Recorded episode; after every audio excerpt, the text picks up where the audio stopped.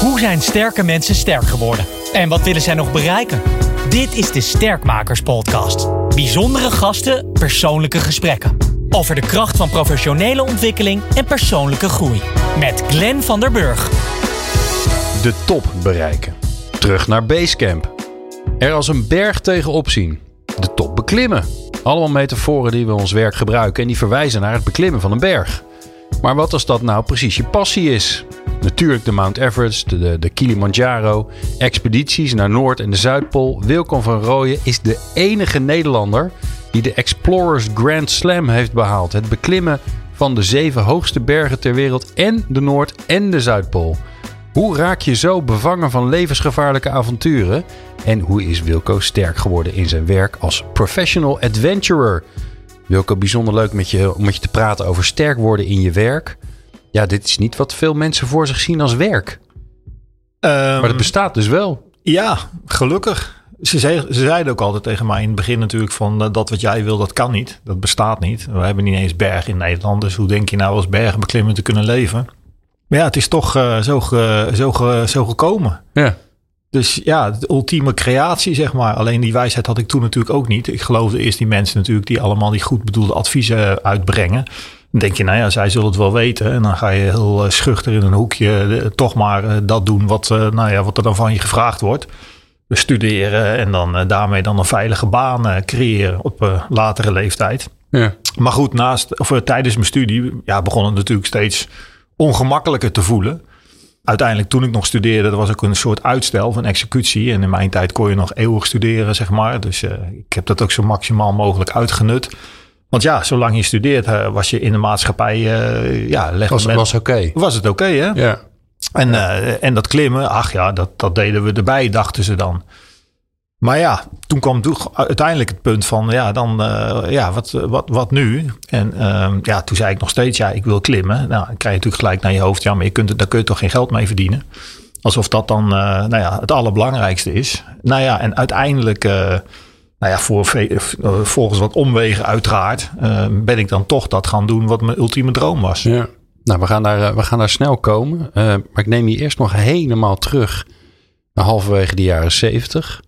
Toen was je ongeveer acht. Ja. Wat deed je het liefst als achtjarige? Bergen waren er niet.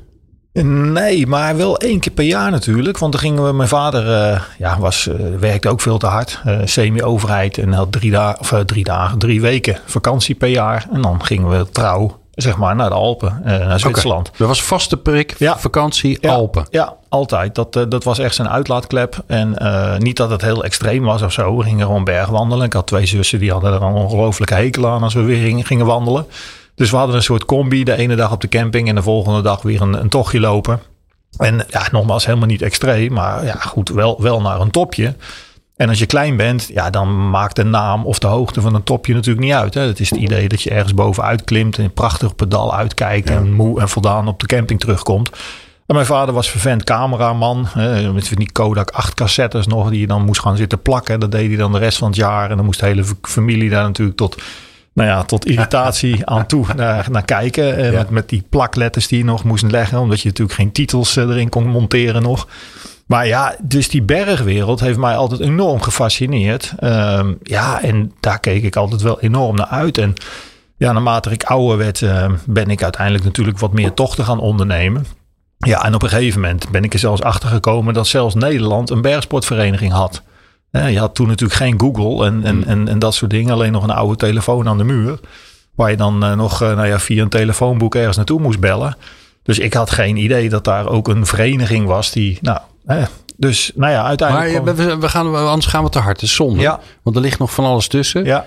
Je bent acht jaar. Eén keer per jaar ga je naar de bergen. Als je dan gewoon niet in de bergen bent, maar je bent gewoon lekker thuis. Wat doe je dan? Nou, mijn vader was ook echt een knutselaar. Dus een, een creatieveling. Um, en ja, we hadden een schuurtje. Een klein, klein schuurtje. Een wonings, uh, woning, woning nou, hoe zeg je dat? Een rijtjeswoning.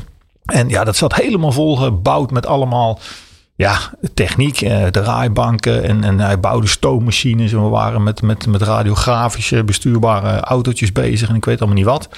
Ja, dat, was, dat vond ik ook mooi. Weet je, Hmm. techniek. En mijn vader was echt een techneut. En ja, dat vond ik ook prachtig. Uh, toch, toch een beetje uitvinden. En uh, daarnaast had hij ook nog een moestuin. Dus ik had bij hem op de grote moestuin, zeg maar, groot, relatief, hè, 250 vierkante meter uit mijn hoofd geloof ik. Had ik een klein, nou ja, postzegeltje. En ja, verbouwde ik ook mijn eerste groente, zeg maar.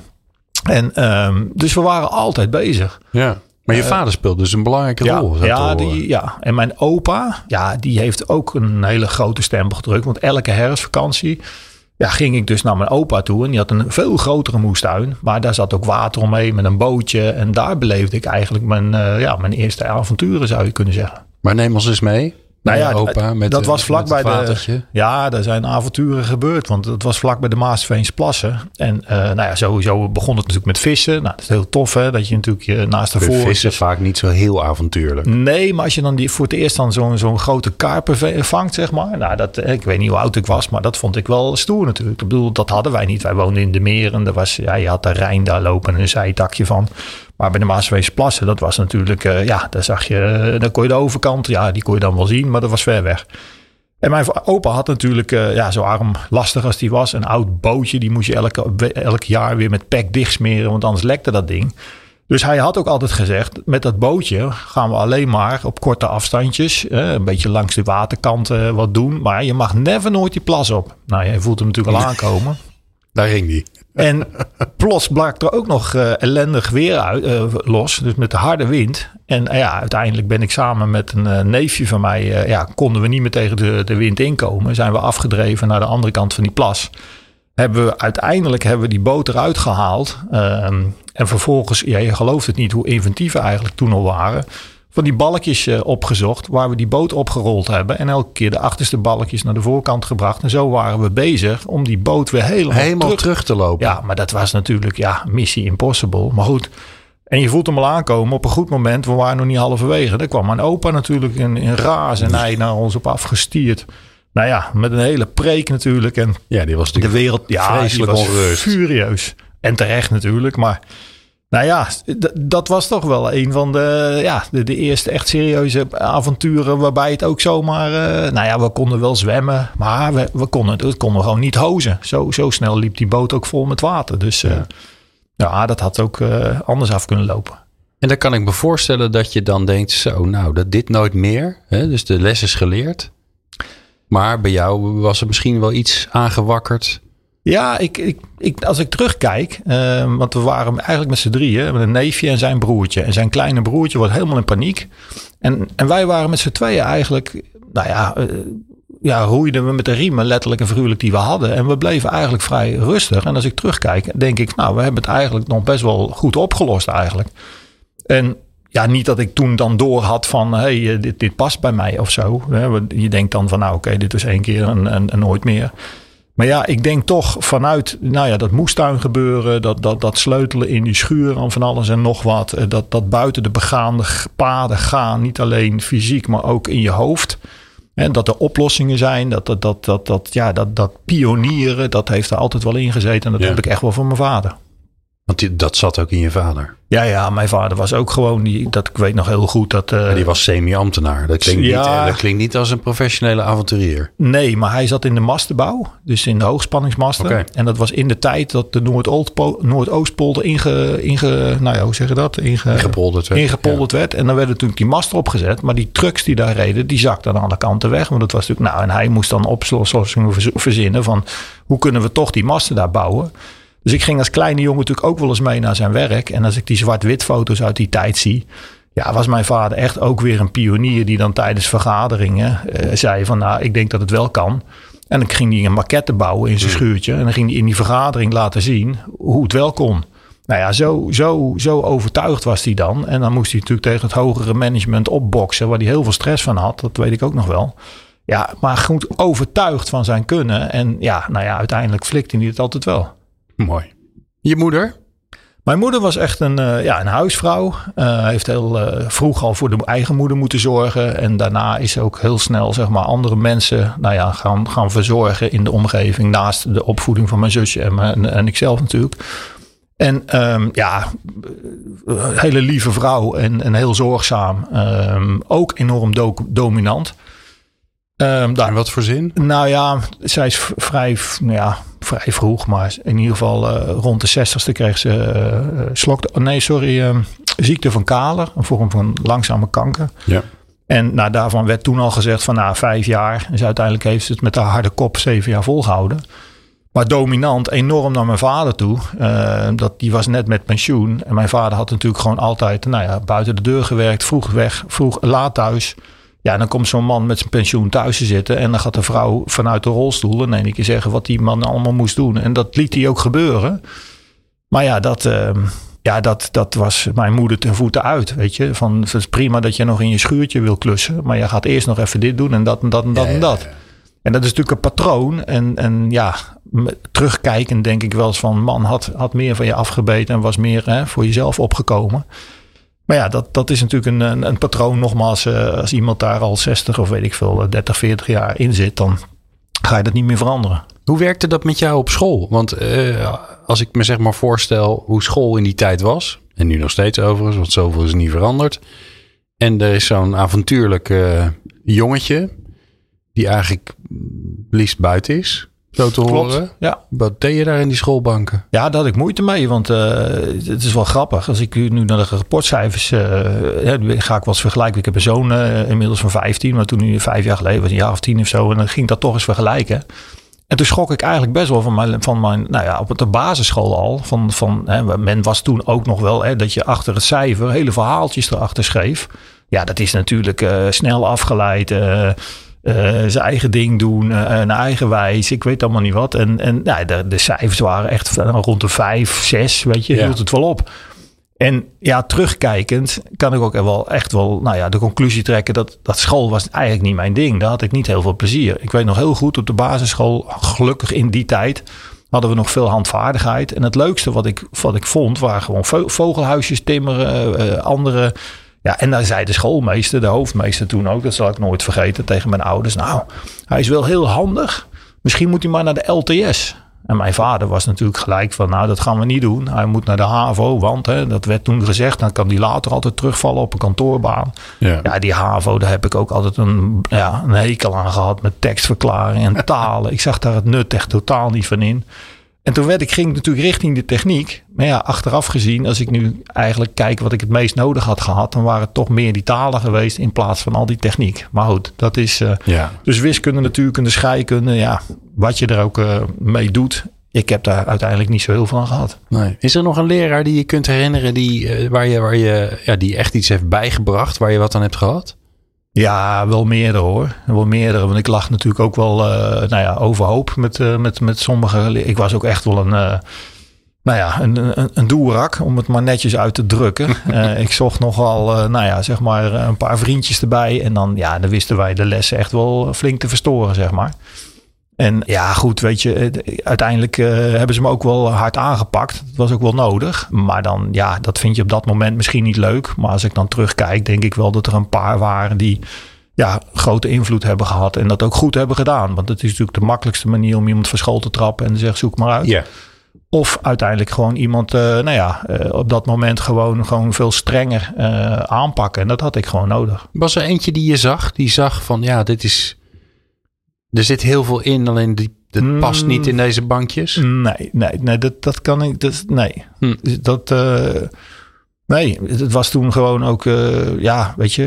eh, gewoon leren en je vakken halen. En voor de rest werd er ook niet heel erg naar de toekomst gekeken of zo. dat, dat, dat, dus ja, er werd al heel snel op je gedrag eh, gestuurd. En niet zozeer van wat je wel kon. En, en heel erg die zesjesmentaliteit. Hè? Van ja, het is leuk dat je daar een acht voor hebt. Maar dat, dat, daar besteden we geen aandacht aan. We willen vooral eh, dat je over die onvoldoendes. Ja.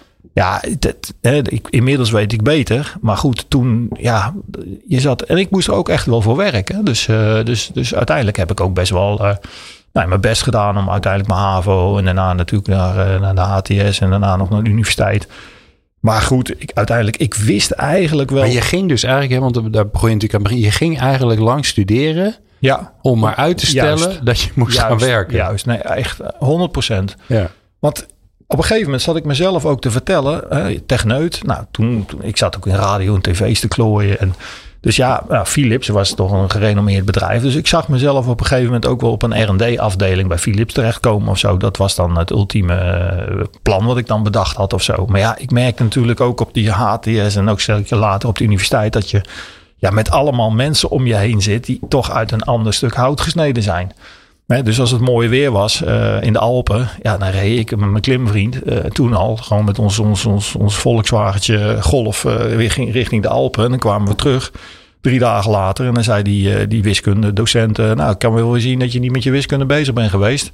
En ook nog een beetje sarcastisch, weet je. En zo van, joh, wat doe je hier? Ga naar huis. En, en, en ik dacht dan, ja, maar ja, wat moet ik dan? Weet je, nou ja, totdat we uiteindelijk, uh, nou ja, een soort, uiteindelijk onszelf uh, gepositioneerd hadden dat we mee konden op een expeditie. Waar we natuurlijk ook wel, nou ja, tien, tien jaar lang eigenlijk, als ik daar terugkijk, uh, ja, voor probeerde voor te sorteren. Alleen op dat moment, ja, je volgt je gevoel. En, en uiteindelijk, ja, word je dus inderdaad geselecteerd voor een bepaalde expeditie. Waarop men toen zei van zo, hebben jullie dat voor elkaar gekregen? En, uh, want uiteindelijk werden we, kwamen we toen op tv. En, ja. en, en toen was het in één keer maatschappelijk geaccepteerd wat we al die jaren aan het doen waren. Terwijl daarvoor, ik zal mijn opa nooit vergeten, die zei letterlijk van, dat was een man die had 40 jaar bij de PDT gezeten. En die zei, ja, wat, wat ben je nou aan het doen? Je hebt toch een goede opleiding, dus wanneer word je nou serieus? Ja, ga ze een serieuze baan doen. Precies. En, ja. en ik had zoiets, ja, serieuze baan zoeken. Ik had natuurlijk twee keer stage moeten lopen vanuit mijn opleiding. Eén keer bij een ingenieurskantoor waarbij ik dacht, ja, dit is niet mijn wereld. Toen op een soort, in een, op, een, op een universiteit, dat was meer een soort ambtenarij. Ik dacht, nou, dit is het ook niet. Ja, wat, wat dan wel? En dan zei men tegen mij, ja, maar straks kom je dan, als je er een paar jaar in het proces zit, joh, dan gaat dat wennen. En dan voelt dat dus, uh, ja, ik denk, dit, dit gaat voor mij nooit wennen. Nee. Maar ja, dan denk je, het ligt aan mij, weet je wel. En dan, ja, je, je denkt toch dat je, ja, dat, dat, jij, uh, ja, dat, nogmaals... Uh, dat je gek bent. Ja, dat weet je eigenlijk ja. wel. En dat je niet mee kan komen met de rest op de een of andere manier, die wel in de in het weekend vakbladen zitten lezen en, en aan het programmeren was. En ik, ja, ik dacht, ja, ik vind techniek leuk, maar ik ga toch echt niet in het weekend zitten programmeren. En dan, dan, dan hè, want die, die, die, die drang naar die bergen, die drang naar dat klimmen, die, die zit er dus in. Uh, op een gegeven moment komt het besef, kan ik me voorstellen, dat je denkt, ja, maar ik, dit is gewoon wat ik wil. Punt. Klopt. En dan moet je dus bedenken hoe je daarvan kan leven. Want anders gaat het niet werken. Klopt. Maar dat, dat ervan leven, we waren, als ik terugkijk, dan denk ik ook wel, jeetje, we waren af en toe wel naïef en extreem. Maar kijk, het begon al met het, met, met, ja, met, met het cadeautje dat ik uiteindelijk een klimpartner vond die eigenlijk nou ja, dezelfde afwijking als ik had. Laat ik maar zo zeggen. Die kwam uit Rotterdam. Ik woonde toen in Utrecht. Dan ben je met z'n tweeën uh, Dan ben je met z'n tweeën. En wij lieten alles, maar dan ook alles letterlijk in die tijd uit onze handen vallen. Op het moment dat we een kans roken om in de Alpen weer een of andere mooie beklimming te doen. Je had allemaal geen internet, hè? dus wij reden ook af en toe gewoon ja, op en neer naar de Alpen. En dan gingen we op vrijdag weg. En op vrijdagavond stonden we weer in de kroeg bij onze vrienden. Die zeiden, jullie zouden toch naar de Alpen zijn? Ja, we zijn wel weer terug. Want het was slecht weer. Ja, ja. Dan zeg je, ja, je hebt toch weerberichten? Ja, maar in die Alpen, weet je, je kan geluk hebben en je kan pech hebben. Nou goed. En wij gingen gewoon, uh, ja, we, hadden er gewoon alles voor over. En soms dan, dan, dan waren de voorspellingen slecht. Dan hadden we een prachtige beklimming gedaan. Dan waren we zo trots als een pauw. Ja, en in die tijd, geloof het of niet, we kwamen soms terug. Uh, hadden we kou geleden in, in, in, in de bergen, hadden we prachtige route gedaan. En je zag gewoon, terwijl we het stuur vast hadden, zag je de blaren op onze, op onze handen groeien, weet je wel. Ja, ja dat, dat, vonden we. Ja, natuurlijk vonden we dat jammer. Van de bevriezing. Van de bevriezing. En dat was dan vaak eerste graad. Hè. Dus dat, dat, dat worden blaren en dat gaat dan wel weer weg. Maar goed, we hadden wel weer geleerd. We hadden een avontuur gehad. We hadden een beklimming gedaan, wat we van gedroomd hadden. En zo hadden we eigenlijk een multimap met allemaal ja, droombeklimmingen. En, en we hadden niet zoiets van, nou, die moet dan, dan, dan, dan. Maar we hadden, als we dan in de Alpen samen daar naartoe reden dan hadden we die, pakten we die multimap en dan bladerden we hem door. En terwijl we aan het rijden waren, maakten we dan de keuze van welke berg we zouden gaan. En, en zo hebben we een heel rijtje ja, afgewerkt, zeg maar, in, in de Alpen in, in tien jaar tijd eigenlijk. En, waar, leef, waar leef je dan van? Nou ja, ik, ik, ik heb gewoon, om het zo maar zo te zeggen, geprofiteerd in die zin dat ik thuis gewoon bleef werken. Want mijn uh, vrienden die gingen studeren en die gingen dus vroeg op kamers. En ik dacht, ja, ik kan wel op kamers, maar ja, dan heb ik helemaal geen geld. Dus weet je wat, eh, of mijn ouders het nou leuk vinden of niet, ik blijf gewoon maximaal thuis wonen. Ja, en ik, wat dat betreft, was, als ik dan terugkijk, heb ik wel te doen met mijn ouders gehad ook. Want ja, ik, ik, ik kwam thuis en ik gooide die was neer en ik verrat de koelkast leeg. Ja, En dan was ik in mijn golfje was ik weer weg. Weet je? Dus ik was een van de jongens die natuurlijk als eerste mijn eigen autootje had. Want dat gaf me vrijheid. Ja. En mijn klimvriend had een, eh, had een eend, een Deux Chevaux. Maar je, gedurende deze tijd ben je nog aan het studeren. Juist hem, ja. Maar we ontwikkelden toen wel al de mentaliteit. En nou ga ik even heel hard worden. Maar we zeiden gewoon letterlijk, joh, dat wij de 40 niet halen, het interesseert ons geen reet. Wij willen gewoon die, die, die eigen Noordwand beklimmen. We willen de Grand we willen, willen, willen, willen ik weet allemaal niet wat. En dat ging natuurlijk ook heel lekker. Dus we gingen gewoon ook naar steeds hoger niveau toe, zeg maar. Dat wij ook merkten dat we in ons eigen bergsportwereldje... werden we allemaal wel aangekeken van... eh, Jezus, wat die gasten doen, dat is echt niet normaal. Jullie kregen een soort eh, reputatie, een soort standing. Ja, ja absoluut. Ja. En, en in dit geval begon mijn vriend er ook nog over te schrijven. En, nou ja, en dat zorgde er uiteindelijk voor dat dat opviel natuurlijk in dat wereldje. Bij onder andere toen eh, een bekend expeditieleider Ronald Naar. En dat heeft er uiteindelijk voor gezorgd dat we door, die, door een soort van selectie samen zijn gekomen. En uiteindelijk, jaren later in 95, mee mochten naar de K2. Ja, daar hadden wij helemaal geen geld voor, joh. En, en, en, en wij hadden niet verder geklommen dan Europa. En in één keer mochten we naar Pakistan, naar de Killer Mountain. Ja, en eerlijk gezegd, joh, weet je, mensen zeiden natuurlijk tegen ons, weet je maar wie het meegaat en eh, dat kan ook je dood betekenen. En wij hadden zoiets van, joh, eh, echt niet. Sterker nog, wij, gaan zo hard trainen dat wij zullen zorgen dat wij op die top komen. En dan gaan we de wereld laten verbazen, weet je wel, waar, wij toe in staat zijn. Dus, eh, nou ja, lul maar lekker. Wij, wij doen ons eigen ding. Ja. Nou ja, en dat, eh, dat is zo geschieden. En ehm, Ja, toen ging je daar omhoog. nou ja, toen ben ik daar omhoog gegaan. En toen kreeg ik eigenlijk het, ja, het, het eerste echte ongeluk van mijn leven eh, te pakken. En, en, Ja, en- dus je gaat naar je eerste berg buiten Europa. ja. En, en, en natuurlijk niet de minste berg. Hè. De Killer Mountain is wel een beetje de holy grail. En, en zeg maar, er zijn heel veel klimmers die nou ja, een hoop bergen beklimmen. Maar die zeggen K2 doen we even niet. Hè, de statistiek van 1 op 4. Dat betekent dat 25% omkomt. Hè. Dus als je met acht, Zo. acht man vertrekt. Nou ja, kans dat je dus... eh, ja, wat doe je dan? Ehm, als, jij, als ik tegen jou zeg, je hebt 25% kans om, te- om om te komen in een of andere... ik zou niet gaan hoor. Precies. Nou, ben je dan hartstikke gek? Of nou, wij hadden zoveel vertrouwen in het team. Weet je, dat waren natuurlijk oude routiniers waar wij tegen opkeken. Daar las ik vroeger de boeken van. Ja, en wij als jonge honden, het voelde alsof we een soort Formule 1 stoeltje hadden gekregen. Dus wij kwamen terug uit Den Haag naar, dat select, naar, naar, naar het feit dat Ronaldus had gezegd, jullie gaan mee. Ja joh, de wereld kon, kon voor ons eh, niet, niet mooier worden. Weet je wel? En als, het, bedoel, dit was het. We zouden het gewoon helemaal gaan maken op die berg. Ja, en binnen twee weken eh, klimmen word ik vol getroffen door een aantal stenen. En eh, ja, hang ik in de touw, eh, jukbeen gebroken, arm gebroken, anderhalve liter bloed kwijt. eh. En uiteindelijk hebben mijn maatjes, mijn klimmaatje was er gelukkig ook bij. Samen met Hans van der Meulen, oudere klimmen, hebben zij uiteindelijk gezorgd dat ik het basiskamp heb gehaald. En uiteindelijk ben ik... Ik wou net zeggen, want dan is het niet even de ambulance bellen. Nee, want je nee. hangt gewoon aan een berg. Ja, en nee, er komt klopt. gewoon een, een, eh, Het zal geen steentje zijn Nee, geweest. nee, het zijn er zelfs meerdere geweest. En bij mij is het licht uitgegaan. Dus ik, ik kan het, ik, heb de klap, kan ik me wel herinneren. Maar voor de rest is het helemaal donker. En eh, ja, op een gegeven moment dan doe je je ogen open. Eh, Tenminste, voor zover er nog één oog open ging.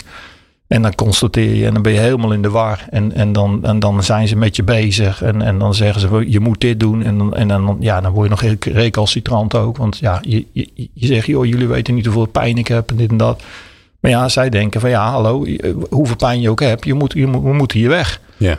Nou ja, en dan, dan trekken ze mij min of meer mee. Maar goed, op een gegeven wordt dan die expeditie ja, op dat- beëindigd? Op, op dat, nee, niet beëindigd. Op dat moment natuurlijk wel. Het was ook slecht weer, ook nog eens een keer. Dus we waren in de voorbereidingen. hè. Zo'n berg beklim je niet in een lineaire lijn, zeg ik wel eens. Hè. Je je moet zeg maar twee stappen heen en een stap terug. En pas eigenlijk na een week of vijf, zes begint iedereen zeg maar, nou ja, te acclimatiseren. En heb je je kamp op de juiste eh, plekken staan. En dan pas kan je zeg maar, naar een soort van wedstrijd toe. En daarvoor is het alleen maar trainen.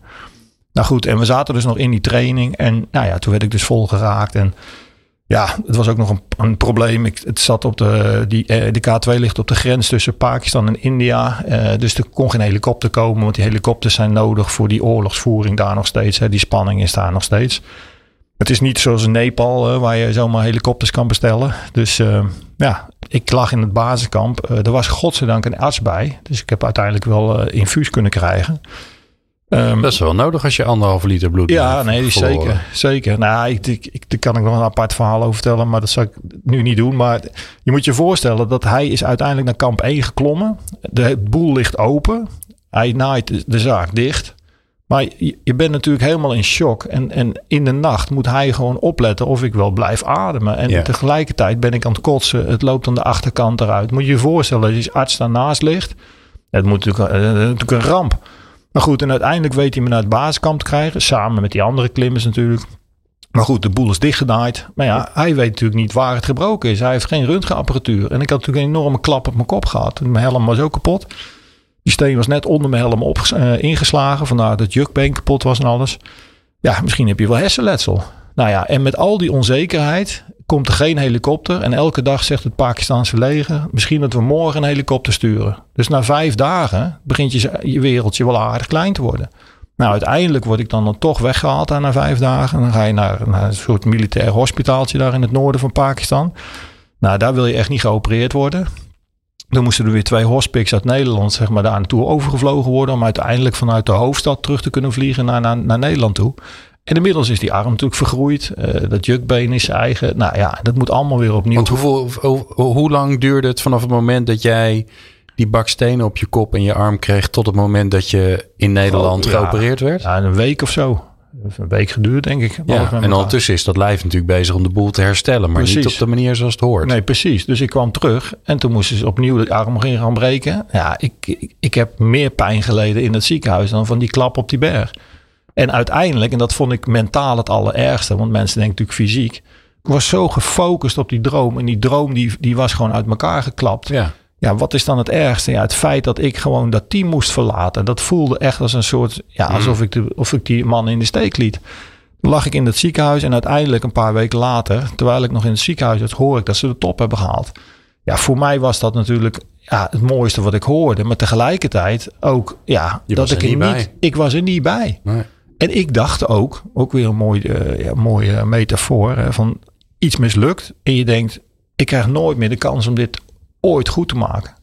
En Ja, maar je kunt ook, hè, want ik zit ondertussen te denken weer aan, eh, aan jouw eh, overtochtje met dat eh, lekker bootje. Mhm. Je kunt ook denken, zo Wilco, eh, dit is even een waarschuwing. Dit moet je dus nooit meer doen, jongen. Klopt. Hè? Wa- wa- wa- Want die, die 25% is een statistiek, maar dat, jij was bijna die 25%. Nee, dat klopt. En, maar goed, als je jong bent, hè, denk je, het overkomt mij niet. En dat is ook goed, anders moet je er niet aan beginnen. Maar inderdaad, ik zat daarbij. En dat was dus ook wat die journalisten tegen mij zeiden. Hè, toen ik in mijn ziekenhuisbedje lag. Zo van, nou zie je wel, nu heb je de keerzijde van de medaille gezien. Nu stop je wel. Ja. En ik zei alleen maar, jullie snappen er echt helemaal niks van. Maar wat, leg het eens ons eens uit. Wij de mensen die denken, Ja. oh, eng, gevaarlijk, Ja, wegwezen. je, je kan naar, de- je kan naar de, de, zeg maar zeggen, naar de negatieve kant kijken. Hè. In, die, in, die, in dit geval zeg je dan van nou, je hebt eh, geluk gehad dat die steen, eh, of dat je niet dood bent door die eh, geraakte steen. Ik zeg alleen maar, ja, ik heb gewoon ongelofelijke pech gehad. Want als die steen één centimeter naar links of naar rechts, dan had hij me geschampt. Had je gewoon door kunnen gaan. Ja, weet je, dat is hetzelfde een beetje als je kanker hebt. Ja, je hebt 20% tot overleving. Ja, dat betekent dus dat ik 80%, eh, hè, weet je. Dus het is maar net hoe je, hoe je het bekijkt. Nou ja, en ik voelde heel erg zo van, joh, dit is gewoon wat ik wil. En, en ik, de risico's ken ik. En, en dat, dat die steen mij geraakt heeft, is gewoon Maar ongelooflijk. wat is dan die, die, dat, dat innerlijke ontembare vuur dat je die bergen op wil, dat je dat avontuur aan wil, dat je die ontberingen, want het is natuurlijk ook geen pretje. Mhm. Ja, dat, dat is het maffe natuurlijk. Het, het is heel veel, het is best wel veel lijden, terwijl Ja, maar als jij, kijk, lijden, dat is ook weer zo'n. Iedereen is bereid om te lijden. als die maar weet wat hij ervoor terugkrijgt. Dus als jij geen droom hebt, ja, dan is lijden heel verschrikkelijk. Maar als jij een droom hebt, ja, ik noem dat positieve stresservaring. Dan heb je die positieve stress ervoor over in de wetenschap dat het jou iets gaat opleveren wat de rest van je leven onbetaalbaar is.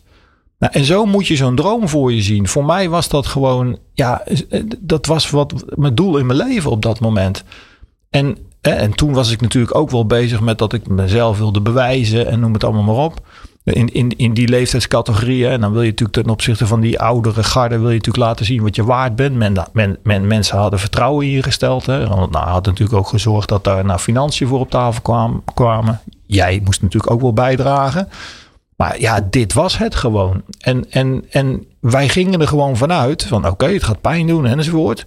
Maar als wij straks terugkomen, jongen, hebben we Nederlandse geschiedenis geschreven. Eerste Nederlandse op de K2 en dan ook nog zonder zuurstof misschien wel. En wat is dat voor... de- En dat is natuurlijk een ongelofelijke prestatie. Hè? Als je uiteindelijk ziet wat je allemaal hebt gedaan. Ja, ik weet niet, we kunnen volgens mij vijf dagen vol praten als we dat zouden willen. Mhm. Wat maakt nou dat je die, die drang hebt om dat voor elkaar te krijgen? Hè, om te zeggen inderdaad, de eerste Nederland... Nou ja, je bent de eerste die Mhm. al die toppen heeft gedaan. En ook nog de Noord- en de Zuidpool. En nog leeft. Hè? Ik bedoel, Ja, dat is ook ja, al ja. bijna een wonder. Zeker. Nou ja, kijk, toen ik jong was, eh, geef ik eerlijk ruiterlijk toe, weet je wel, was toch het ego, weet je wel, van je wilde het bewijzen. En niet alleen voor de wereld, maar ook voor jezelf. Maar op een gegeven moment, als je dat natuurlijk geflikt hebt, dan denken mensen ook van, nou, nou heb je het laten zien, nou zou je er wel klaar mee zijn. Maar ja, ik was er helemaal niet klaar mee. Ik, ik dacht van, ja, maar jongens, wat wat's next? En, en, en het mooie van, vind ik, is dat als je een, een, een, project of een idee of iets kan verzinnen, waarbij een men, eh, misschien de meerderheid wil zeggen, nou die zijn gek, dat interesseert me helemaal niets. Als ik maar een klein clubje mensen kan vinden die zeggen, dat gaan we doen. Ja, dan krijg ik daar gewoon energie van. Want ik weet ook wel drommers- donders goed dat in mijn eentje ga ik het niet doen. Of kan ik het niet, of wil ik het niet, wat dan ook. Maar als ik nou een paar gekkies vind, waarmee het natuurlijk ook nog een beetje klikt. En waarmee je zegt van, ik, ik denk dat kan. Ja, dat, dan denk ik, nou, laat, laten we het proberen. Weet je, als we het niet proberen, dan zal het nooit lukken. Ja, en dat, en dat, dat was grappig, hè? Want je, eh, een paar gekkies, laten we het proberen. Eh, laten we wel zijn, het is heel veel trainen, het is heel veel voorbereiden. Ja, Je moet ongelooflijk veel doen volgens mij om, te, om ervoor te zorgen dat je niet op dag één er al aangaat. Hè? Want Ja. eh, als je onvoorbereid bent en je bent niet goed getraind en je hebt niet alle veiligheidsvoorschriften en de juiste spullen en noem maar op. Ja, dan is het natuurlijk überhaupt kansloos. Klopt. Maar ja, dat, dat is, ik zeg dan, dat is gewoon training. Weet je, kijk, mensen willen altijd de wedstrijd spelen en ze willen niet trainen. Ja, weet je, het begint bij training. En, en, en, en die training, het toffe van training is, zeggen mensen, nou, wat doe je dan allemaal voor training? Nou, daar kan ik een heel verhaal over houden. Maar wat het allerbelangrijkste is tijdens die training, is dat ik gewoon visueel aan het voorbereiden ben op dat moment wat komen gaat. En, en als je dat maar vaak genoeg herhaalt, En hoe, hoe doe je dat? Neem ons eens mee. nou, ik ben gewoon aan het hardlopen of aan het fietsen of weet ik veel wat. En, en, en, en dan uiteindelijk ga ik me voorstellen van oké, wat, wat is het ergste wat me straks kan, kan gebeuren? Ja, de, de kou. Oké, hoe ga ik me wapenen tegen die kou? Ja, ik kan dikke handschoenen aantrekken, maar ik moet zorgen dat ik dat mentaal, hè, dat ik de discipline op kan brengen om go- daar goed voor te zorgen. Dat die handen natuurlijk niet te koud worden. En als ze wel koud worden, wat doe ik dan? Ah, weet je, nou, en dan ga je een heel, heel idee verzinnen. Nou, weer verder denk je, oké, wat gebeurt er weet je, met ongelukken? Oké, hoe kunnen we, hoe, hoe zit het met de communicatie? Hoe, hoe kunnen we de, de, beste weerberichten? Weet je, alles hangt met alles samen. En daar hoort ook nog eens een keer bij natuurlijk dat je thuis heel rustig afscheid kan nemen. Want ik kan niet naar een berg gaan als ik thuis iemand heb zitten die, die vol met zorgen zit. Dat, dat, dat, dat, dat zeurt aan mij. En, en uiteindelijk, nou. Dus ook dat moet je weer een plek. Oké, hoe gaan we dat doen? Weet je wel? Hoe ga ik zorgen dat ik met een, met een leeg hoofd weg kan? En ja, dat, dat, dat zijn maanden van voorbereiding. Maar die maanden heb je ook keihard nodig. Want alles moet kloppen. Kijk, als jij topsporter bent, dan is heel veel weggemanaged. Weet je, je hebt, vijf, je hebt een team van 25 mensen die allemaal bezig zijn met jouw topstart. Ga, ga er maar vanuit als bergbeklimmer dat je alles, alles zelf moet regelen. Van financiën tot, tot materialen, tot logistiek, tot vliegtickets, tot teamleden, tot, tot, tot nou, hoe je je brood verdient. Ehm, ja, en bij mij is dat spelende wijs. Want uiteindelijk ben ik natuurlijk met die Ronald naar meegegaan. En ja, weet je, uiteindelijk. eh, mijn zwager werkte bij Centraal Beheer eh, toen de tijd. En die zei: Joh, we hebben een praatje van, eh, van, van Ronald Naar. Heb je zin om erbij te komen? Want ik zei: Dat lijkt me wel lachen. Dus ik zat erbij. Hij wist niet eens dat ik in de zaal zat. Ik denk: Ik ga gewoon eens even een verhaal, naar zijn verhaal luisteren. Ik had natuurlijk dezelfde expeditie gedaan. Ik had Ja. dezelfde plaatjes. Ik denk: Ja, wat hij kan, dat kan ik ook. Ik heb alleen mijn eigen verhaal. En ik kijk er net iets anders eh, tegenaan dan hij keek. Nou ja, en, en uiteindelijk zijn we, zijn we ook op die manier, eh, ja, zeg maar, in dat circuit terecht gekomen. Een praatje Ja. gegeven. Eerst, eerst voor, voor, voor en, en sportclubs enzovoort. Ja, op een gegeven moment dan slaat je verhaal blijkbaar aan. Maar dan ga je natuurlijk ook verdiepen in van, hé, hey, weet je, wat, is eigenlijk, wat zijn eigenlijk de overeenkomsten? Waar zijn die andere mensen mee bezig? Ja, en dan, dan blijkt eigenlijk dat we allemaal hetzelfde doen. De een die beklimt dan een berg en de ander die, die wil voor een marktaandeel of kamijt schelen. Ja, je begint een bedrijf. Of, Precies, eh, ja. maar het is allemaal mensenwerk. En het is allemaal van, goh, wie heeft er genoeg commitment om uiteindelijk ja te zeggen tegen iets wat misschien wel aan de voorkant heel groot lijkt. Ja, en dan natuurlijk vol te houden. Want we weten natuurlijk dat je begint enthousiast ergens aan. En op een gegeven moment een app dat weg. En dan heb je wat lastige omstandigheden. Ja, en dan komt het erop aan. En inmiddels weet ik dat dat juist de, de, de toffe momenten zijn. Want als ik terugkijk naar al die expedities. Ja, ik heb in de meeste van die expedities ergens altijd wel een moment gehad dat ik heb zitten janken. Maar dat waren achteraf gezien de meest mooie momenten natuurlijk. Want dan is het van hoe kom je daaruit? Wie heeft Ja. je geholpen? Wie, hè, waar heb jij je aan vastgehouden? Ja, en je, ik heb situaties meegemaakt dat, dat, ja, dat maar een van mijn beste klimaat eh, eh, ja, een, een, een, een gedrag heeft laten zien waarvan ik denk, wow, hoe, hoe is het, hoe, waar heb je het vandaan gehaald, weet je? Als je vermist bent en dat je dan dat nog iemand op zoek gaat, terwijl iedereen zegt, nou moet je maken dat je wegkomt. Ja, dat, Ja, want dat was volgens mij een andere keer dat je weer op Ja, diezelfde berg was. ja. Hè? Die, die K2. 16 jaar later of zo, ja. Ja, was weer feest.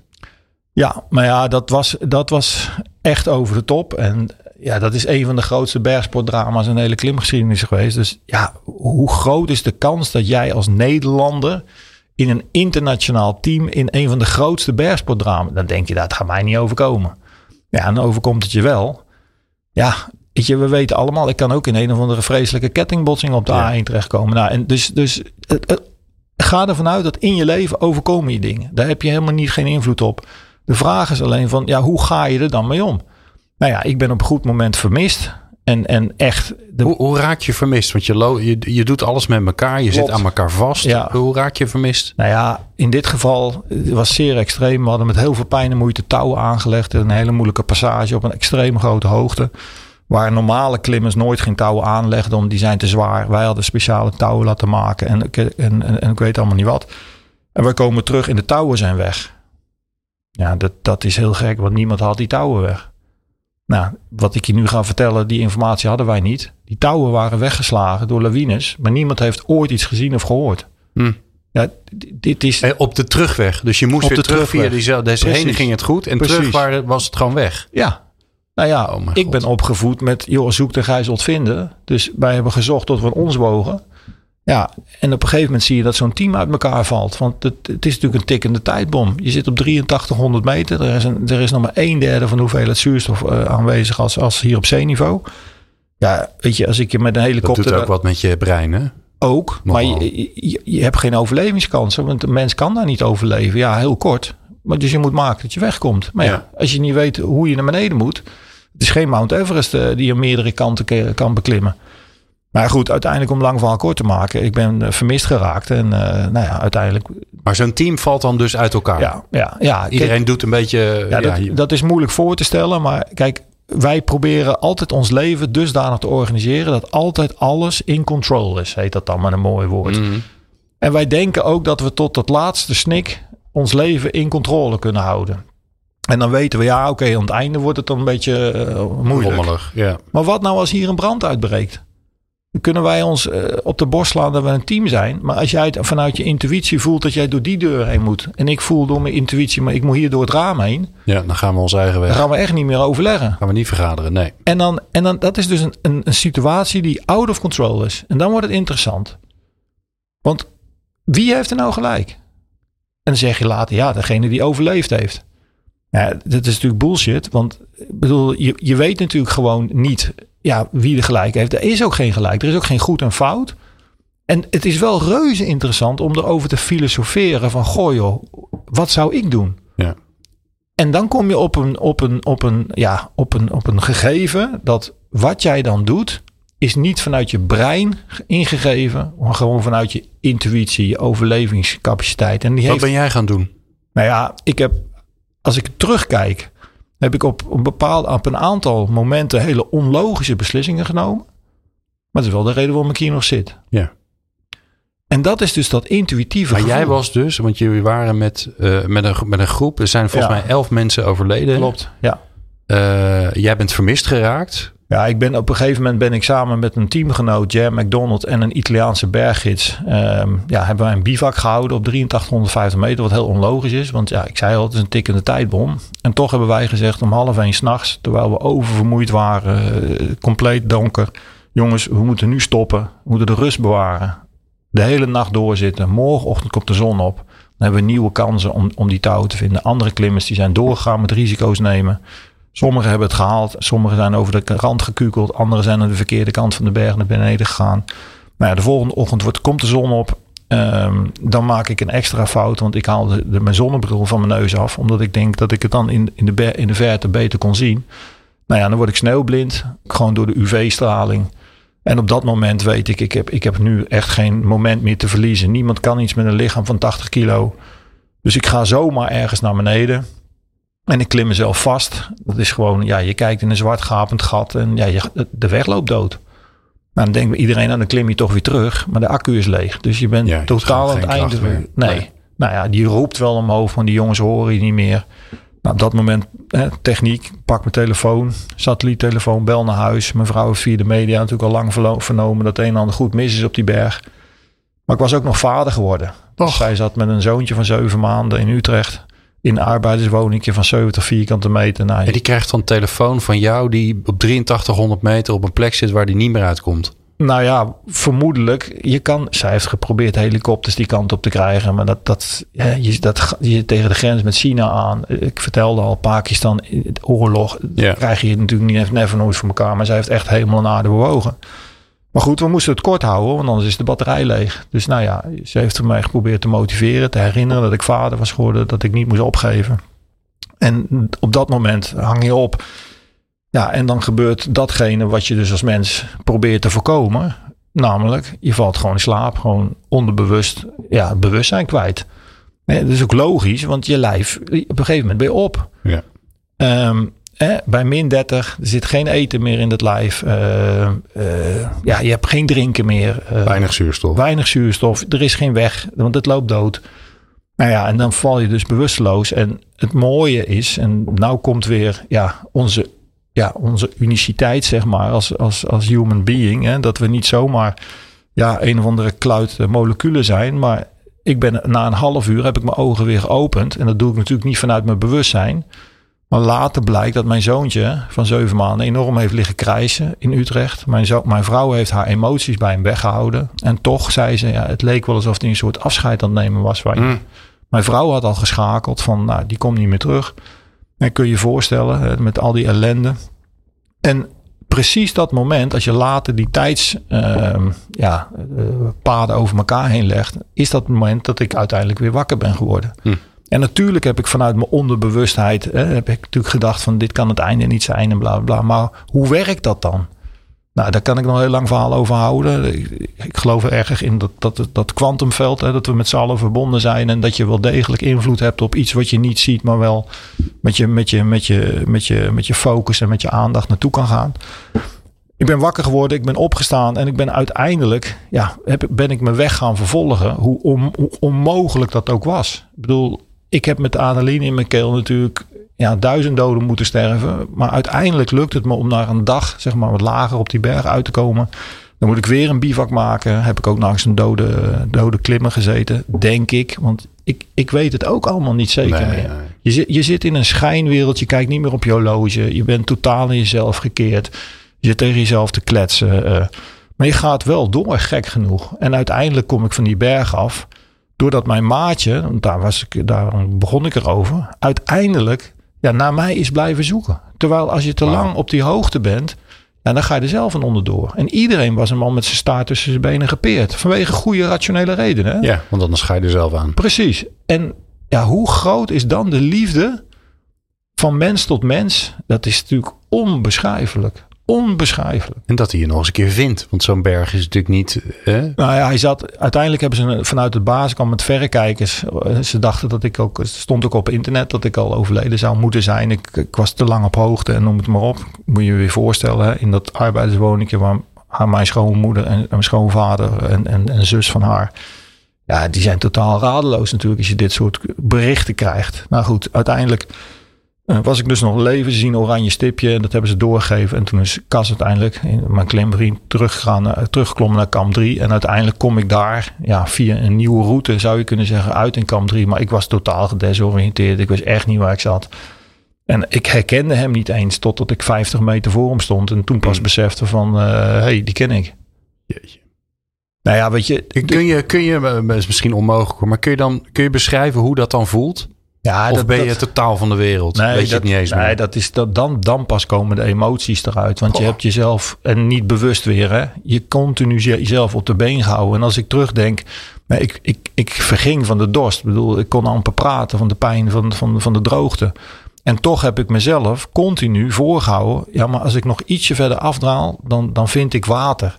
Als ik er nu helder over nadenk, denk ik, joh, dat, dat is 1500 meter lager. Dat, hoe, hoe, en ik heb mij gewoon mezelf lopen. Ik ben er bijna, ik ben er bijna. Dat, dat is een, een overlevingsinstinct. Ja. En het feit dat ik heel erg boos ben geworden, omdat ik, ik was boos. Hoe, hoe kon het zijn dat ik ja, geïsoleerd was geraakt? Waar, waar was iedereen? Hoe kan dit? Wie, Je wie doet, je in de steek gelaten. ja, wie doet, dit- wie doet mij dit aan? En achteraf gezien denk ik alleen maar, dat heeft gezorgd voor adrenaline. Dat heeft gezorgd dat dat lichaam weer is opgestart. Want hoe is het nou toch in godsnaam mogelijk dat als, als er geen energie meer in een systeem zit, bij min 30, zonder eten, zonder drinken, dat dat, dat dat wegzakt, dat snap ik nog. Daarom, daarom blijven mensen, zoals wij dat dan noemen, in de buik van de berg achter. Maar hoe is het dan mogelijk dat zo'n systeem dan toch weer opstart? Nou ja, en dan denk ik, wij zijn ook allemaal unieke wezens die tot ongelofelijke dingen in staat zijn. Alleen we, die dichten we onszelf niet toe. Want we gaan vanuit statistiek en generalisatie zeggen we nou joh, dit kan wel en dat kan niet. Nou, toen ik thuis kwam, of thuis in, in, in Utrecht, was dat Utrecht toen? Ja, was Utrecht, ehm, ja, tenen bevroren. Ik moest er geamputeerd worden. Toen zei dat is ook wel een dingetje, toch? tuurlijk. Maar ja, als je... Maar als je leeft nog. ja, en als je Ja. collega's bent verloren en, en je ziet je zoon terug, ja, wat stellen die tenen dan voor? En je moet, het is echt een over de top situatie geweest. Het is, het is niet normaal, het niet logisch dat ik hier zit. Dan ben je toch alleen maar dankbaar. Terwijl mensen denken van nou, nou, het is wel Ja, wat. want wat heeft dat met je gedaan? Want je eerder natuurlijk was je er ook al bijna niet meer. Dit, is, dit klinkt bijna nog heftiger, omdat je het zo, omdat het langer heeft geduurd, omdat je het zo lang, zo intens hebt ja, Ja, het is meegemaakt. Nog, het, het is nog veel langer allemaal, maar dat, nee, want dat, die amputatie, dat is ook niet een kwestie van je gaat naar het ziekenhuis en daarna is het Nee. opgelost. maar Maar, wat, wat heeft het je veranderd? ongelooflijk dankbaar gemaakt. Ik ben zo dankbaar. Het is echt, mensen zeggen, ja, moet je kijken wat die bergen jou gekost hebben. Nee, je moet het omdraaien. Die bergen hebben mij alles gebracht. Ik, daar, daar is geen academy of, of, of, of wat voor opleiding voor te verzinnen. Geloof me, je kan honderdduizend managementboeken lezen. Maar wat het mij heeft laten zien, ja, waar mensen toe in staat zijn, wat teams kunnen doen. Mensen die jij, die jij wegzetten in het begin van, nou, maar daar werken we niet mee samen hoor. Want die, die zit heel anders in elkaar Ja. Die, die hebben mij het leven, hè? Of, of jij hun, gered. En onze teamgenoot die uiteindelijk om is gekomen, ja, die, die jongen die heeft een heldendaad verricht. Die heeft gewoon, terwijl het huis in de fik stond, heeft die, is hij gewoon het brandende huis ingegaan om andere mensen die hij niet eens kenden. Ja, weet je, en dan zeggen mensen, ja, dat had hij niet moeten doen. Ik denk dat je een, een, een symbolische daad hebt verricht, die, die, die dat als er een hemelpoort bestaat met Petrus, waar nooit overheen gegaan kan worden. Ja. En, en dan denk, nou voel ik de druk van dat ik het feit dat ik nog leef, betekent voor mij dat ik nog iets te doen heb. Weet je, Ja. ik, er is een soort oproep aan mij van joh, dit kan niet alleen maar toeval en geluk zijn geweest. En En wat als heb het, je te doen? ja, dat is de grote vraag natuurlijk. Maar ik probeer op mijn manier natuurlijk wel, nou ja, die wereld iets stukje mooier te maken. Ehm, en, en ja, mensen te laten beseffen, jongens, die natuur, die is, die is zoveel waard. En daar zijn we zo, ja, ik zou bijna een vloek willen gebruiken, maar afhankelijk van. Terwijl wij nog steeds denken dat wij in charge zijn. Wij overroelen die natuur wel. Weet je, we hebben COVID, weet je, we gaan een vaccinatie verzinnen. Wa- hoe respectloos ga je met de natuur om als de natuur jou iets probeert te laten zien? En we weten het dom- drommels goed. En toch lijkt het alsof we, nou ja, eerst weer met ons, zo heb ik ook moeten leren helaas. Eerst weer tegen die betonnen muur aan moet rijden voordat je tot inzichten komt. En inzichten tot daar aan toe, maar tot handelen overgaat. En daarin probeer ik mensen toch, ja, mee te nemen en, en, en uiteindelijk ook te laten zien en te laten, te laten ervaren van ga iets meer in die natuur voelen en je komt tot bezinning en je komt tot ja, uitkomsten die, waar je niet toe komt in een, beton, in een betonnen omgeving. Omdat je de signalen mist. Ja. En als je in de natuur bent, weet je, die natuur die is goed voor je. En jouw lichaam ook is ook natuur. Die, is- die, die soms ste- 60, 70, 80 jaar is die goed voor je. Hoe kan je nou klagen dat iets niet werkt? Er is geen auto die een jaar zonder APK kan. Weet je, techniek. Joh, we, we, we, prijzen onszelf. Techniek is zo dom als een, een. Ik heb natuurlijk techniek gestudeerd. Ik vind het ook leuk. Maar techniek, we kennen allemaal de wet van Murphy, laat je uiteindelijk in de steek. Software verouderd, batterijen raken leeg, LCD-scherm, alles is gewoon. Maar wij, wij zijn werkelijk van een. Van een we, we, weten meer niet dan we wel weten. Laten we dat nou Over toch. Over onszelf ook, hè? Over onszelf ook. We zijn qua, qua psychologie zijn we in de laatste honderd jaar nog, nog geen meter verder opgeschoten, zou je bijna kunnen zeggen. Sterker nog, we zitten in een spirituele crisis waar, waaruit uiteindelijk al die crisissen voortkomen. En dan gaan we één kleine crisis proberen op te lossen. Waarvan, waarvan we weten dat die andere nog groter worden.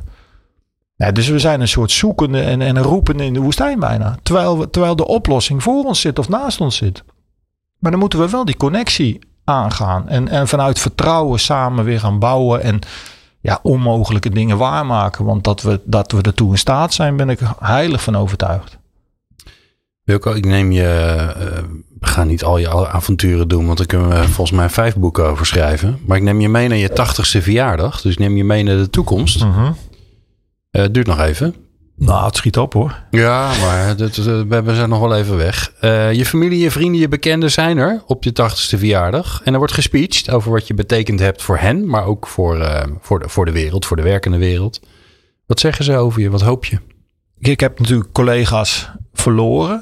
Maar ik heb ook mee, mee mogen maken uh, dat op hun herdenking, zeg maar, zo mooi gesproken werd. Dat eigenlijk iedereen in die zaal ook de oproep voelde. Het fysiek is er misschien niet meer, maar het gedachtegoed, daar gaan we gewoon mee door. En, en die energie, die, die blijft, die is niet weg. En, en als je dat voelt met elkaar, ja, dan is iemand dus niet dood. Ja, ik kan wel namen gaan noemen, maar ik heb twee hele dierbare collega's. En ja, ik, ik, ja, ik, als ik, ik heb een paar maanden geleden een hele zware, nou ja, sessie gedaan, zeg maar, waarbij, ik, waarbij ze gewoon voor me stonden.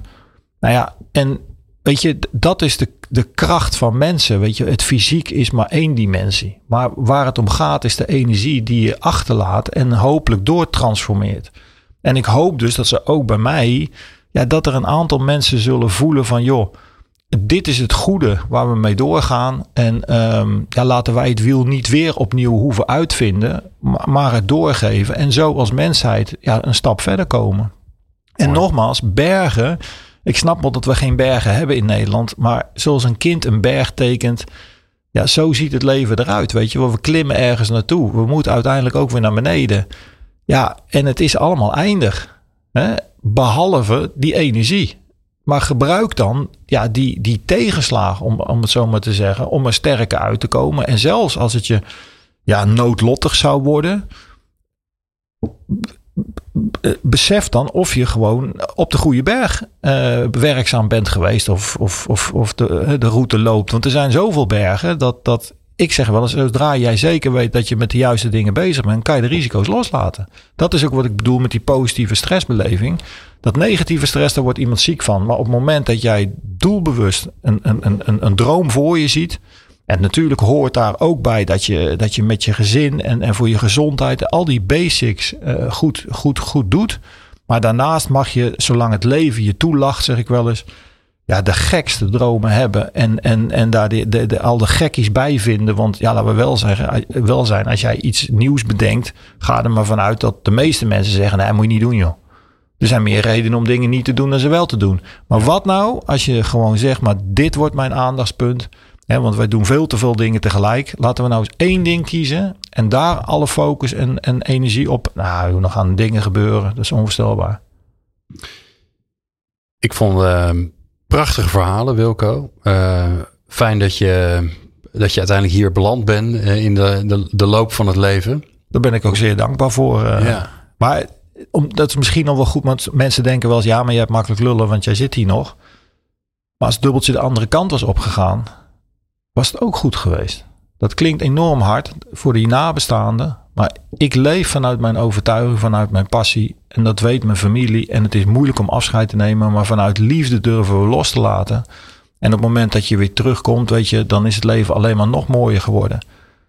En ja, dat gun ik mensen om, om elkaar ook die vrijheid te geven. Om, om, ja, om te groeien, te accelereren. Uh, en, en niet elkaar gevangen te houden. Want dat is, als ik om me heen kijk, ja, mensen worden ja, gewoon, gewoon ziek van, vanwege het werk wat ze doen, wat ze niet leuk vinden. Of de relatie waar ze in zitten, die ze gevangen houden. En dat is natuurlijk altijd een wisselwerking. Weet je, hoe moeilijk het ook is, als ik op Schiphol weer gedag moet zeggen, natuurlijk doet dat pijn. Maar ik weet wat ik tegemoet ga. Ik weet waarom ik het doe. En ik weet ook dat als ik terugkom, weet je, hopelijk ook een, nou ja, een betere vader kan zijn. En, en, en uiteindelijk een beter voorbeeld kan geven dan dat ik mezelf wegcijfer en vervolgens een draak van een zoon uh, achter het behang moet plakken enzovoort. Dankjewel. Wilco van Rooyen, uh, heb je naar geluisterd? Um, wil je nou meer informatie over Wilco? Dan kunnen we wel wat leuke linkjes in de show notes uh, plakken. Dat gaan we wel doen. Of die vind je op onze socials. Fijn dat je hebt geluisterd. Bedankt voor het luisteren naar de Sterkmakers podcast. Hopelijk heb je er nieuwe energie van gekregen. Maar echt sterker word je door er iets mee te doen. Dus waar wacht je op? Aan de slag! Meer podcasts vind je op jouw favoriete podcast-app door te zoeken op de Sterkmakers Podcast. Bezoek ook onze website sn.nl/podcast voor alle informatie over de Sterkmakers Podcast.